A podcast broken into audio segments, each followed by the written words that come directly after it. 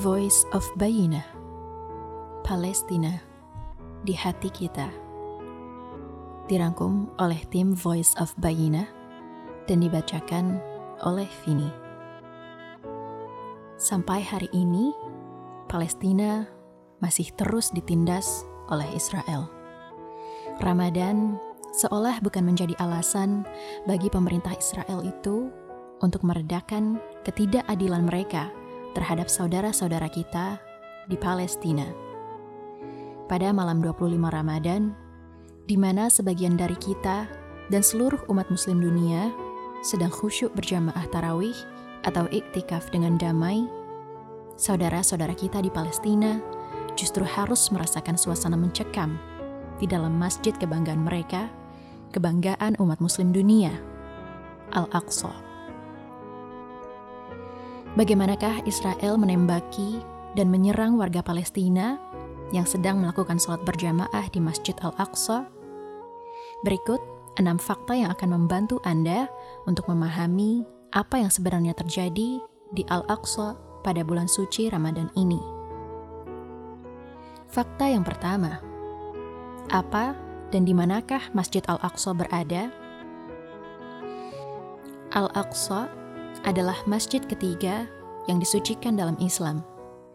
Areanya sangat luas dan sebagian besar berupa area terbuka dan beberapa bangunan untuk tempat beribadah tiga agama besar dunia, yakni Islam, Kristen, dan Yahudi. Secara kesatuan, Area ini disebut sebagai Al-Aqsa. Al-Aqsa berlokasi di kota lama Yerusalem. Kota lama ini pada dasarnya semacam wilayah yang tertutup tembok besar dengan akses keluar masuk yang dibatasi. Terdapat pemukiman penduduk, pasar, jalanan utama, dan tempat ibadah. Kota lama ini terbagi menjadi empat bagian distrik, yaitu distrik Kristen, Armenia, Yahudi, dan Muslim dan Al-Aqsa berada di bagian distrik Muslim. Fakta yang kedua, siapakah yang menguasai Al-Aqsa? Di bawah hukum internasional, Palestina terdiri dari wilayah tepi barat dan wilayah Gaza, sementara Yerusalem berada di wilayah tepi barat. Masih menurut hukum internasional dan PBB, Yerusalem terbagi menjadi dua area, yaitu timur dan barat. Yerusalem Barat di bawah penguasaan Israel, dan Yerusalem Timur milik Palestina. Adapun Al-Aqsa yang berlokasi di area Muslim secara hukum internasional adalah bagian dari Palestina. Jadi secara sah, Al-Aqsa berada di bawah penguasaan Palestina. Begitulah seharusnya.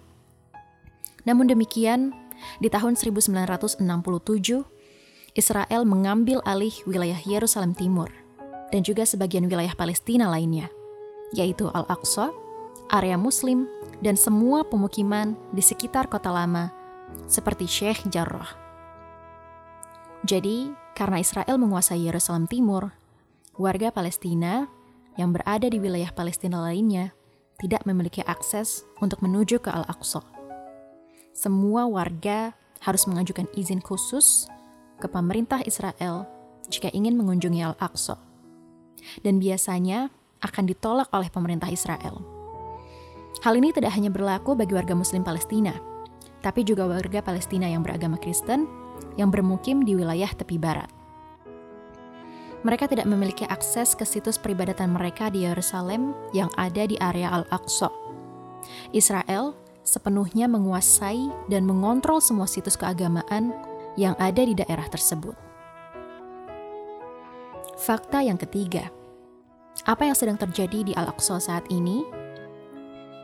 Sepuluh malam terakhir Ramadan adalah malam yang terpenting bagi umat muslim di seluruh dunia. Sehingga Al-Aqsa dipenuhi oleh jamaah yang beribadah melakukan sholat berjamaah. Beberapa hari yang lalu, di malam ke-25, malam peringatan Lailatul Qadar, polisi Israel melakukan serangan dadakan terhadap warga yang sedang melakukan salat berjamaah di masjid mereka sendiri di Al-Aqsa. Mereka melempari granat ke arah jamaah yang sedang sholat, seakan tidak peduli bahwa warga sedang khusyuk beribadah. Tentara Israel juga menyerang pasar setempat warga Palestina dan melukai para wanita yang sedang berada di sana. Tak berhenti sampai di situ. Mereka masuk ke dalam masjid, memecahkan kaca di pintu masjid, lalu dengan seenaknya berjalan-jalan mengenakan sepatu di dalam masjid yang seharusnya tidak diperbolehkan. Kemudian mereka melempar granat ke dalam masjid dan memblokir pintu masjid supaya warga Palestina yang berada di dalam masjid tidak bisa keluar.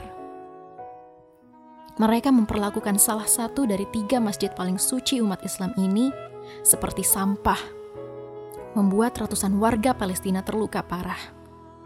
Bahkan ada yang sampai kehilangan kedua penglihatannya. Tak berhenti pula sampai di situ. Tentara Israel kemudian melempari granat ke tenda-tenda para medis milik warga Palestina, sehingga para medis kesulitan untuk memberikan bantuan pada warga yang terluka. Warga Palestina berusaha untuk merekam semua kejadian ini, tapi tentara Israel seolah tidak peduli. Fakta yang keempat, apa hubungan antara penyerangan Al-Aqsa dan Sheikh Jarrah? Ini adalah bagian terpentingnya. Seperti diketahui, Israel secara ilegal menguasai Al-Aqsa dan Yerusalem Timur. Jadi, Israel memanfaatkan Masjid Al-Aqsa untuk mengontrol warga Palestina agar patuh pada aturan mereka. Secara histori, setiap warga Palestina melakukan protes atau menolak kebijakan kejam pemerintah Israel, maka Israel akan melakukan penyerangan terhadap Al-Aqsa.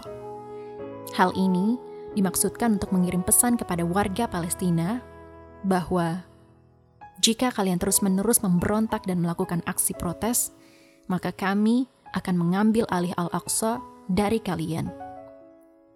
Mereka tahu betapa pentingnya posisi Al-Aqsa sebagai situs yang disucikan dan mulia bagi umat Islam. Maka Israel selalu menggunakan Al-Aqsa untuk menindas warga Palestina sejak 1967 saat mereka mulai menguasai Al-Aqsa Yerusalem Timur, dan wilayah Palestina lainnya. Secara gamblang, mereka ingin mengatakan, "Jika kalian menuruti semua aturan Israel, ya, kami akan izinkan kalian beribadah di masjid kalian. Tapi jika kalian memberontak, maka masjid ini akan kami ambil alih dari kalian." Jadi, apa hubungannya dengan Sheikh Jarrah?